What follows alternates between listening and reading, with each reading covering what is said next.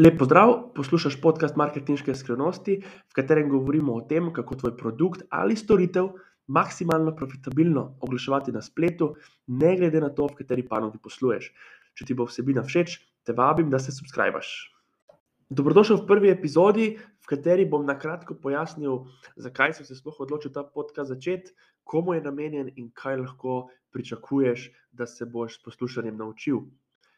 Torej, v šestih letih, odkar se z marketingom intenzivneje ukvarjam, z velikim številom podjetij v najrazličnejših panogah. In dejansko sem skozi prakso ugotovil, da je marketing, glede na panogo, v 90% enak. Hkrati sem pa ugotovil to, da velika večina podjetij, manjših in srednjih, o marketingu vejo zelo malo še posebej o tem online marketingu, o digitalnem marketingu in o tem, kako lahko svoje podjetje profitabilno uh, predstavljajo na spletu. No, ugotovil sem, da vejo zelo, vejo zelo premalo. Njihovo znanje ne samo, da je pomankljivo, ampak je tudi napačno. In to njihovo napačno uh, znanje, napačne, napačna prepričanja jim škodijo tako kratkoročno, kot dolgoročno. Kratkoročno jim škodijo tako, da zaupajo napačnim ljudem, zaupajo napačnim, neusposobljenim ljudem in marketing svojega podjetja predajajo v njihove roke. Dolgoročno pa to škodi njihovemu razvoju tako, da ne vidijo potencialov, ki jih marketing na internetu prinaša.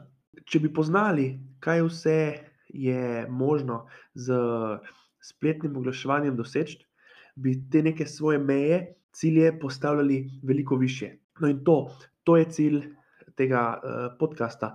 V naslednjih epizodah, v bodoče, bom s tabo delil tiste najbolj učinkovite marketinške taktike, strategije, trike, ki jih jaz uporabljam uh, vsakodnevno v praksi. S tabo bom tudi delil zgodbe, uspešne, neuspešne primere kampanj, uh, na katerih uh, sem delal, tako da uh, ti prihranim veliko časa. Vabim te, da svoje mnenje, če se s čemerkoli povedanim, kadarkoli ne boš strinjal. Te vabim, da, to, da mi to posreduješ, zelo bom vesel tvojega feedbacka. To je za prvo epizodo to. V naslednji epizodi bom s tabo delil eno najbolj pogosto napačno prepričanje podjetnikov v spletnem marketingu, tako da te vabim, da mi prisluhneš v naslednji epizodi.